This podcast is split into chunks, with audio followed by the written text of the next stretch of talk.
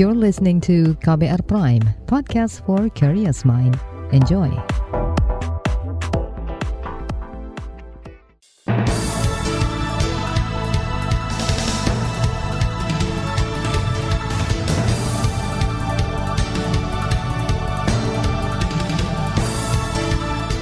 Selamat pagi saudara, senang sekali kami bisa menjumpai Anda kembali melalui program Buletin Pagi edisi Selasa 23 Agustus 2022 bersama saya Sindu Darmawan.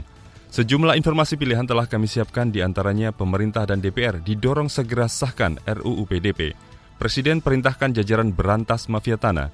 Pemprov Jateng akan batasi pengunjung wisata Borobudur. Inilah Buletin Pagi selengkapnya. Terbaru di Buletin Pagi. Saudara sebanyak 26 juta data pelanggan perusahaan telekomunikasi IndiHome diduga bocor dan tersebar di dunia maya. Ini membuat masyarakat, terutama pelanggan, marah karena merasa dirugikan. Namun hal itu ditepis juru bicara Telkom, Sir Sihmirmo Adi. Menurutnya, data yang tersebar palsu atau fabrikasi. Klaim ini disampaikan setelah Telkom dan Kominfo menginvestigasi hal tersebut. Bukan hanya IndiHome, sejumlah lembaga juga diduga mengalami kebocoran data, termasuk perusahaan listrik negara PLN dan Badan Intelijen Negara. Di forum anonim Dunia Maya, akun Apocalypse 99 menjual data milik konsumen secara terang-terangan. Kebocoran data kerap terjadi tetapi hingga kini aturan soal perlindungan data pribadi masih belum ada. Bahkan rancangan undang-undang tentang perlindungan data pribadi atau RUU PDP yang tengah dibahas pemerintah dan DPR masih mangkrak. Ya, RUPDP ada klasifikasi data pribadi hak subjek. Ini sebut tidak ada persoalan. Ada persoalan dengan DPR adalah terkait dengan lembaga pengawas. Ini ada perbedaan antara pemerintah dengan DPR. Eh, DPR inginnya badan independen seperti Dewan Pers, KPI, KIP. Tetapi pemerintah inginnya itu sebuah badan yang ada di, di pemerintah. Eh, argumen pemerintah adalah ini kita kan penganut sosialisme begitu, bukan bukan parlamentarisme gitu kan. Juru bicara Kementerian Komunikasi dan Informatika Usman Kansong mengakui RUU PDP sangat mendesak disahkan demi perlindungan data pribadi masyarakat. Untuk itu, Kominfo terus berkoordinasi dengan DPR untuk mencari kesepakatan bersama. Berbeda dengan pemerintah, anggota Komisi Bidang Kominfo DPR Bobby Rizaldi memastikan RUU PDP akan disahkan dalam waktu dekat.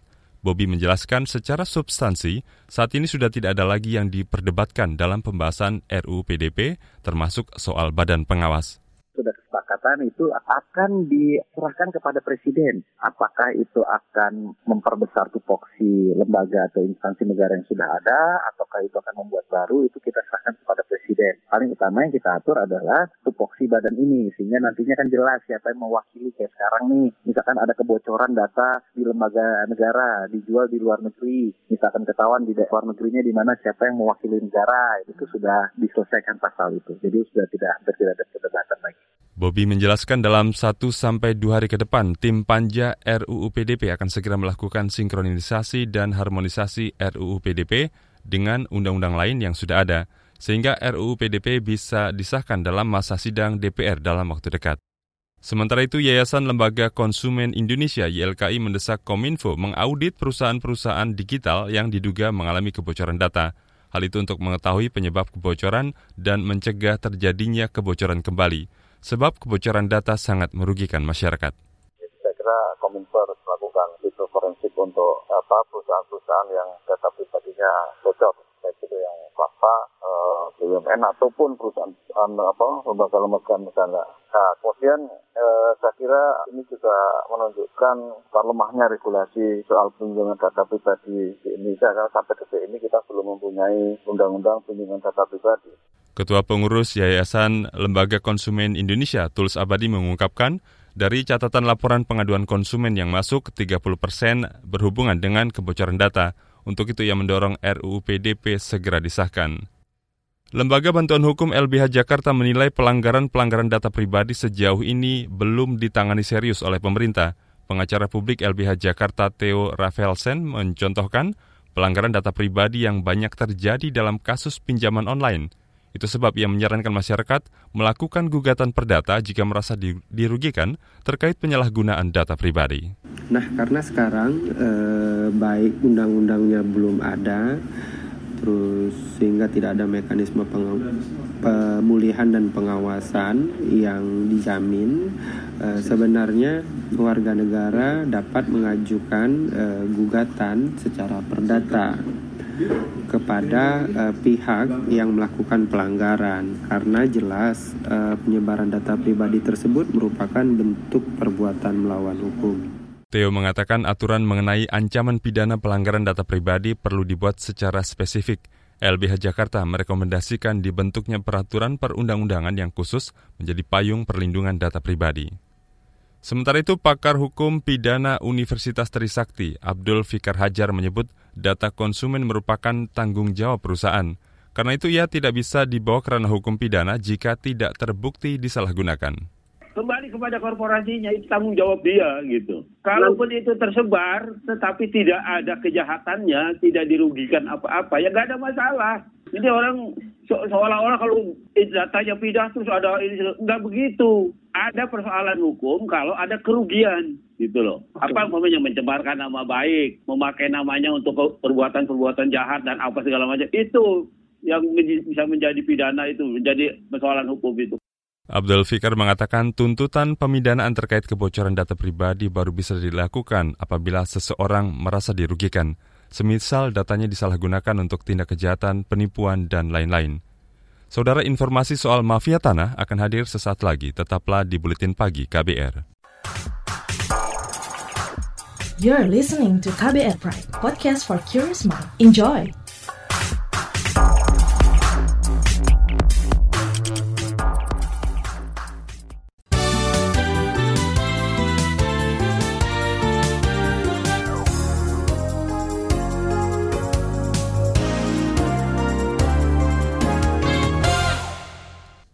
Saudara Presiden Joko Widodo memerintahkan seluruh jajarannya, terutama Kementerian Agraria dan Tata Ruang, Badan Pertanahan Nasional ATR BPN, serius dalam memberantas mafia tanah. Hal itu ia sampaikan saat menyerahkan sertifikat tanah untuk rakyat di Gelora Delta, Kabupaten Sidoarjo, Jawa Timur kemarin. Jangan sampai ada lagi yang main-main urusan sertifikat. Apalagi yang namanya mafia tanah tidak ada, harus nggak ada di bumi Indonesia ini. Pak Menteri adalah mantan Panglima. Kalau masih ada mafia yang main-main, silahkan detik itu juga gebuk. Ini meruwetkan ngurus sertifikat. Tidak bisa kita biarkan rakyat tidak dilayani urus ngurus sertifikat. Setuju enggak? Karena masih banyak sekali sertifikat yang belum kita selesaikan. Presiden menyebut saat ini di Jawa Timur masih ada sekitar 7 juta lahan yang belum bersertifikat.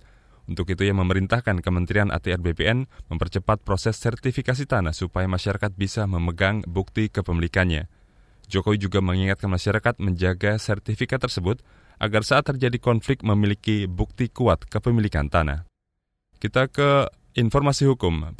Perhimpunan Dokter Forensik Indonesia PDFI menyerahkan hasil autopsi ulang jenazah Brigadir Nofriansyah Yosua Huta Barat atau Brigadir Yosua Ketua Tim Autopsi Forensik Ade Firmansyah Sugiharto mengatakan, dari hasil autopsi itu tidak ditemukan tanda-tanda penganiayaan di tubuh Brigadir Yosua dengan pencahayaan dan hasil pemeriksaan mikroskopik tidak ada luka-luka pada tubuhnya selain luka-luka akibat kekerasan senjata api. Jadi luka-luka yang kita dapat semua tempat-tempat yang di, mendapatkan informasi dari keluarga selain uh, yang diduga ada tanda-tanda kekerasan di sana, namun kami sudah bisa pastikan dengan keilmuan forensik yang sebaik-baiknya bahwa tidak ada tanda-tanda kekerasan selain kekerasan senjata api pada tubuh korban.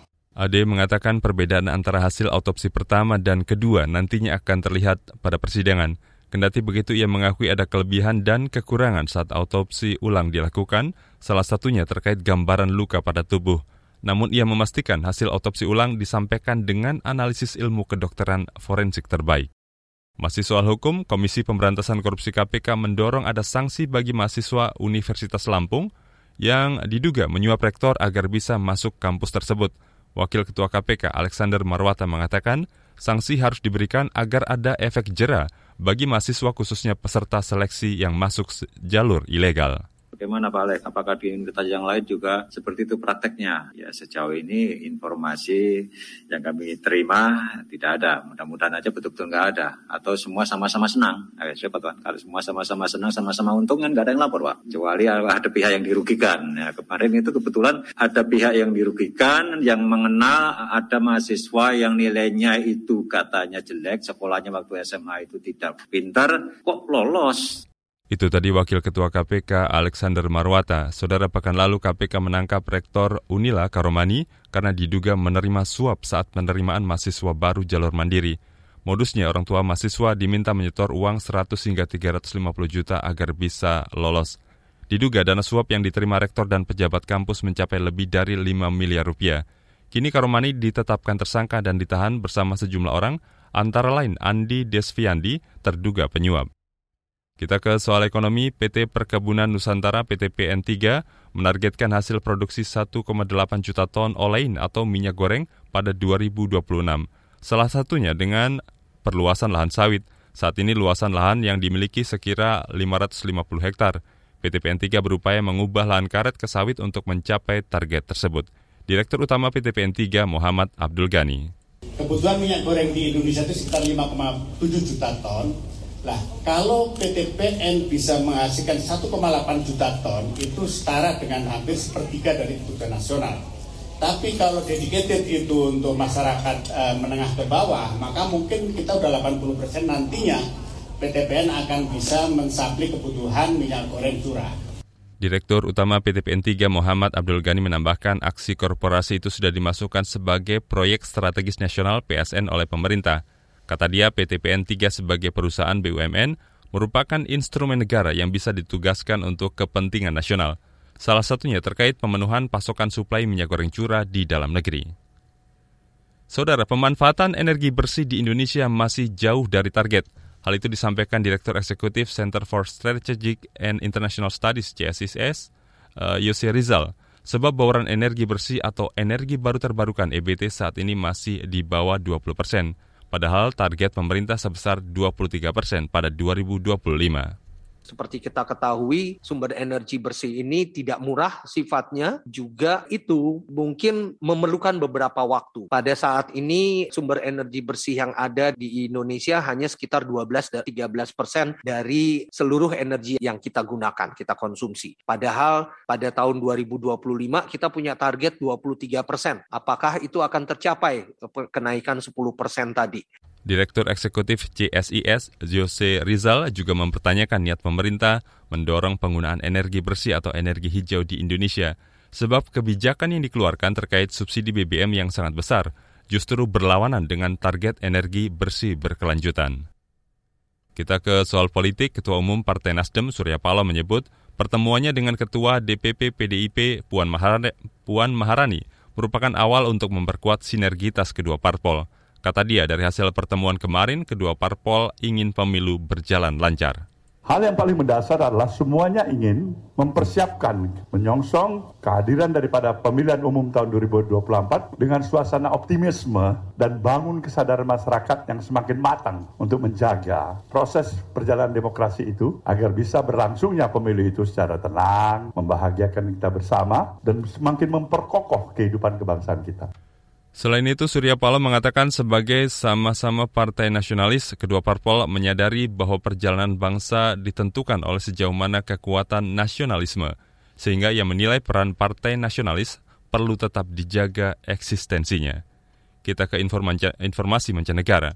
Perdana Menteri Malaysia Ismail Sabri Yaakob mengakui keberadaan pekerja migran Indonesia PMI di Malaysia berdampak pada perekonomian kedua negara – ini disampaikan Ismail saat sesi wawancara bersama media internasional di kantor Perdana Menteri di Putrajaya kemarin. Mengutip antara news.com, Ismail mengatakan, selain membantu perekonomian, keberadaan PMI juga mempererat hubungan kedua negara. Menurutnya Indonesia bukan negara sahabat, melainkan negara saudara. Kita bergeser ke informasi olahraga. Manchester United meraih kemenangan perdana dengan mengalahkan Liverpool 2-1 pada laga lanjutan Liga Inggris di Old Trafford dini hari tadi. Gol kemenangan MU dicetak Jordan Sancho dan Marcus Rashford, sementara Liverpool memperkecil kedudukan lewat satu gol dari Mohamed Salah. Raihan tiga poin ini membuat United Posisi United di klasemen sementara naik dari dasar ke posisi 14, sementara Liverpool bertengger, bertengger di posisi 16. Di bagian berikutnya kami hadirkan laporan khas KBR tentang isu kenaikan harga BBM. Tetaplah di Buletin Pagi KBR. You're listening to KBR Pride, podcast for curious mind. Enjoy!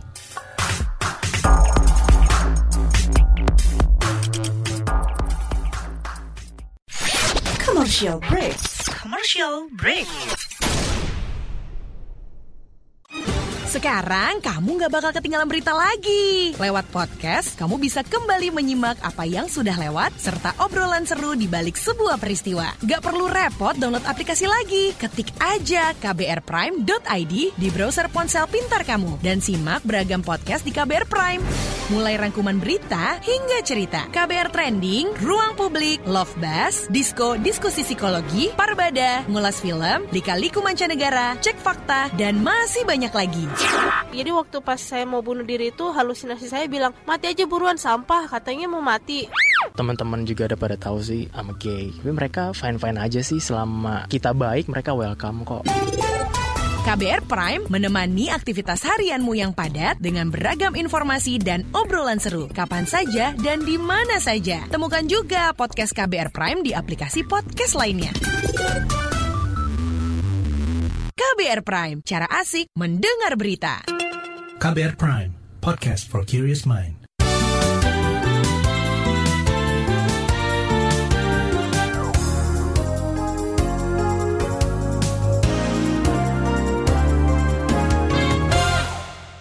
Anda masih bersama kami di Buletin Pagi KBR. Saudara, isu kenaikan harga bahan bakar minyak BBM bersubsidi semakin berembus kencang. Pemerintah memberi sinyal bakal segera mengumumkan soal kenaikan ini karena untuk meringankan beban keuangan negara yang sudah berat. Berikut laporan yang disusun jurnalis KBR Astri Septiani. Pemerintah terus mengeluarkan sinyal bakal menaikkan harga BBM bersubsidi.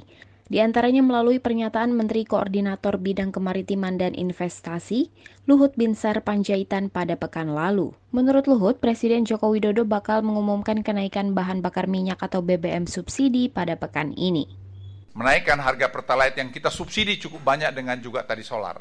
Itu modeling ekonominya saya kira sudah dibuat. Nanti mungkin minggu, minggu depan Presiden akan mengumumkan mengenai apa, bagaimana mengenai kenaikan harga ini. Jadi Presiden sudah indikasikan tidak mungkin kita pertahankan terus demikian. Karena kita harga BBM termurah sa kawasan ini. Luhut mengatakan, saat ini pemerintah sedang berhitung untuk menaikkan harga BBM bersubsidi. Menurut Luhut, subsidi yang dikeluarkan negara lewat APBN untuk BBM sudah terlalu membebani keuangan negara. Beban subsidi ditargetkan berada jauh di bawah 502 triliun rupiah. Pernyataan terbaru dikeluarkan Wakil Presiden Ma'ruf Amin. Menurut Wakil Presiden, kenaikan harga BBM bersubsidi saat ini masih dibahas dan digodok oleh pemerintah. Ia mengatakan, beban subsidi BBM yang ditanggung pemerintah sangat besar, mencapai lebih dari 500 triliun rupiah. Jadi kalau ada kenaikan-kenaikan lagi, ini memang bagaimana kita supaya BBM eh, subsidi ini bisa sistem, bisa apa bisa ber, berlanjut ya. Ini sedang dipikirkan. Jadi itu masih dalam penggodokan saja, masih dalam pembahasan apakah akan dinaikkan atau tidak. Tapi bagaimana supaya ini berjalan dengan baik. Jadi APBN kita bisa menopang, tetapi juga uh, tidak kemudian kemudian kita sampai tidak mampu memberikan subsidi. Ini. Di sisi lain, Ketua DPR Puan Maharani mengatakan, hingga saat ini belum ada usulan dari pemerintah terkait kenaikan harga BBM bersubsidi. Ia meminta masyarakat menunggu soal kejelasannya dari pemerintah. Kenaikan BBM itu kan yang memutuskan pemerintah, eksekutif, bukannya legislatif. Jadi kita tunggu aja apakah kemudian e, pemerintah nantinya menyikapinya itu dengan seperti apa. Yang pasti kan dalam pidato tanggal 16 yang lalu kami DPR sudah menyampaikan bahwa agar pemerintah siap e, men, me, menggunakan APBN secara efektif, efisien dan memprioritaskan kepentingan masyarakat itu. Sebelumnya, anggota Komisi Bidang Energi di DPR Mulyanto meminta pemerintah segera mengeluarkan aturan terkait pembatasan konsumsi BBM bersubsidi. Dengan begitu, Kuota BBM bersubsidi tahun ini tidak jebol. Jangan hanya mengeluh dong. Kalau perlu hemat, ya aturan mainnya. Jangan hanya himbau-himbau. Orang nggak mau dihimbau di SPBU. Harus ada aturan kan. Itu aja kita kan, ya, ya kan sebagai anggota DPR kan eh, lebih pada pengawasan ya. Melihat ya pemerintahnya sendiri yang ya, yang lambat. Kalau ini biasakan serius. Sekarang misalnya udah bulan apa? Perkiraan BBH migas ini kalau seperti ini speednya ya mungkin Oktober November udah habis. Kalau memang begitu kan segera kita batasi orang-orang yang mewah yang nggak usah pakai mobil, nggak boleh usah pakai BBM bersubsidi kan segera dong. Ya kalau nggak itu bocornya terus kan argumennya kan jalan lurus ini. Sementara itu, kalangan pengamat energi meminta pemerintah membuat kebijakan yang bisa meringankan beban subsidi APBN, tapi juga tidak memberatkan masyarakat. Pengamat energi dari Indonesian Resources Study, Marwan Batubara, mendorong pemerintah menyiapkan formula berkelanjutan yang konsisten terkait subsidi bahan bakar minyak atau BBM. Marwan meminta formula berkelanjutan harus disiapkan mengingat dampak dari penambahan anggaran subsidi BBM tidak bisa diabaikan. BBM tidak naik, subsidi di APBN meningkat, tapi yang menerima subsidi itu lebih banyak orang mampu. Akhirnya subsidi itu e, berkurang untuk mengentaskan kemiskinan, untuk mata anggaran yang sifatnya sosial, tapi lebih banyak tersedot untuk membantu orang mampu. Itu sudah jelas. Buktinya kan kajian ada dari dari Kementerian Keuangan, ada dari, dari LPM, LPM UI, ada dari Bank Dunia. Ini kan confirm. Marwan Batubara menambahkan, naiknya harga minyak dunia juga mempersulit negara importir seperti Indonesia, sebab terdapat devisa yang keluar untuk mengimpor BBM. Di sisi lain, hal itu juga membebani APBN jika tetap mempertahankan harga di dalam negeri. Demikian laporan khas KBR, saya Astri Septiani. Informasi dari berbagai daerah akan hadir usai jeda, tetaplah bersama kami di Buletin Pagi KBR. You're listening to KBR Pride, podcast for curious mind. Enjoy!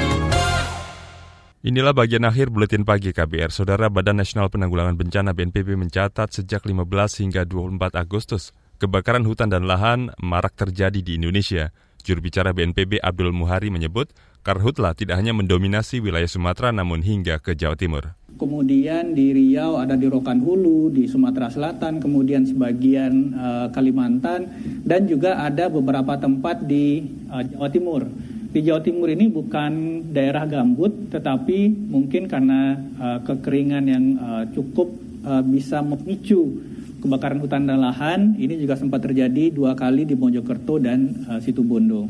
Sebelumnya kebakaran hutan terjadi di Kecamatan Kendit Situbondo pada awal Agustus. Seluas 3 hektar hutan jati milik KPH Perhutani Bondowoso habis dilahap si jago merah.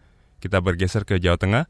Pengelola wisata budaya Candi Borobudur akan membatasi jumlah pengunjung. Pasalnya selama ini banyak relief yang rusak akibat pengunjung yang tidak mentaati aturan.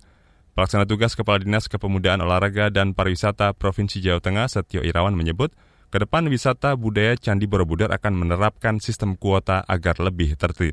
Kemudian ke depan untuk pengelolaan Candi Borobudur itu lebih mengutamakan quality tourism daripada jumlah pengunjung. Kita mengutamakan jumlah wisatawan. Seperti kita ketahui bahwa Candi Borobudur ini kan salah satu warisan dunia yang sangat-sangat dilindungi dan selalu dipantau oleh UNESCO. Tentunya dengan kerusakan apa pun sedikit pun juga akan menjadi catatan tersendiri UNESCO. Saudara informasi tadi menutup jumpa kita di Buletin Pagi KBR hari ini. Pantau juga informasi terbaru melalui kabar baru, situs kbr.id, Twitter kami di akun @beritaKBR serta podcast di alamat kbrprime.id.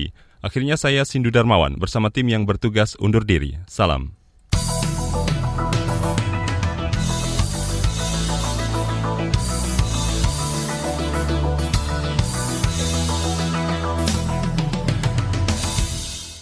KBR Prime, cara asik mendengar berita. KBR Prime, podcast for curious mind.